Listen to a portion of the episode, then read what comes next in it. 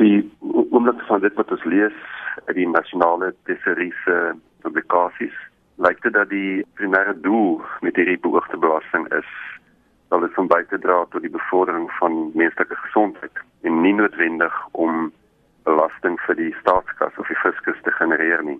So ons voel in ons opinie dat die norm vir die, vir die implementering van die belasting moet wees dat hoe minder belasting gevorder word, natuurlik teen optimale nakomingsvereistes, hoe meer doeltreffend sal die belasting wees in die bereiking van daardie doel. Met ander woorde, die belasting is daar gestel om mense af te raai om oordadige suikerinname te doen en daarom as minder belasting verorder, is dit meer doeltreffend vir wat die belasting voor ingestel is. Hoe haalbaar is die sperdatum van 1 April 2017? Janke ons voel dat ons erkenning van wat nog gedoen moet word en ook van ons ervaring van hoe lank dit vat, voel ons dat 1 April is waarskynlik nie haalbaar nie. Ons voel eerder miskien vroeg so in die tweede kwartaal van 2018 klink vir ons meer realisties. Watter produkte is ingesluit by hierdie beoogde belasting en watter nie? Daar's basies drie eienskappe wat die produk moet wees.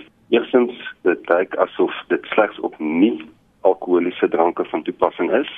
Tweedens, dit nie alkoholiese dranke wat kaloriese versoeters bevat.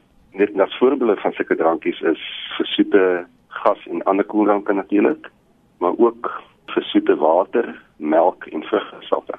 Indien enige van daardie produkte slegs hierdie natuurlike suikers bevat, met ander woorde daar's geen versoeters bygevoeg nie, dit kom natuurlik voor in die produk dan is dit ook uitgesluit. Byvoorbeeld onversoete melk wat wel laktose bevat, maar dit is nie bygevoeg nie, kom natuurlik daarin voor.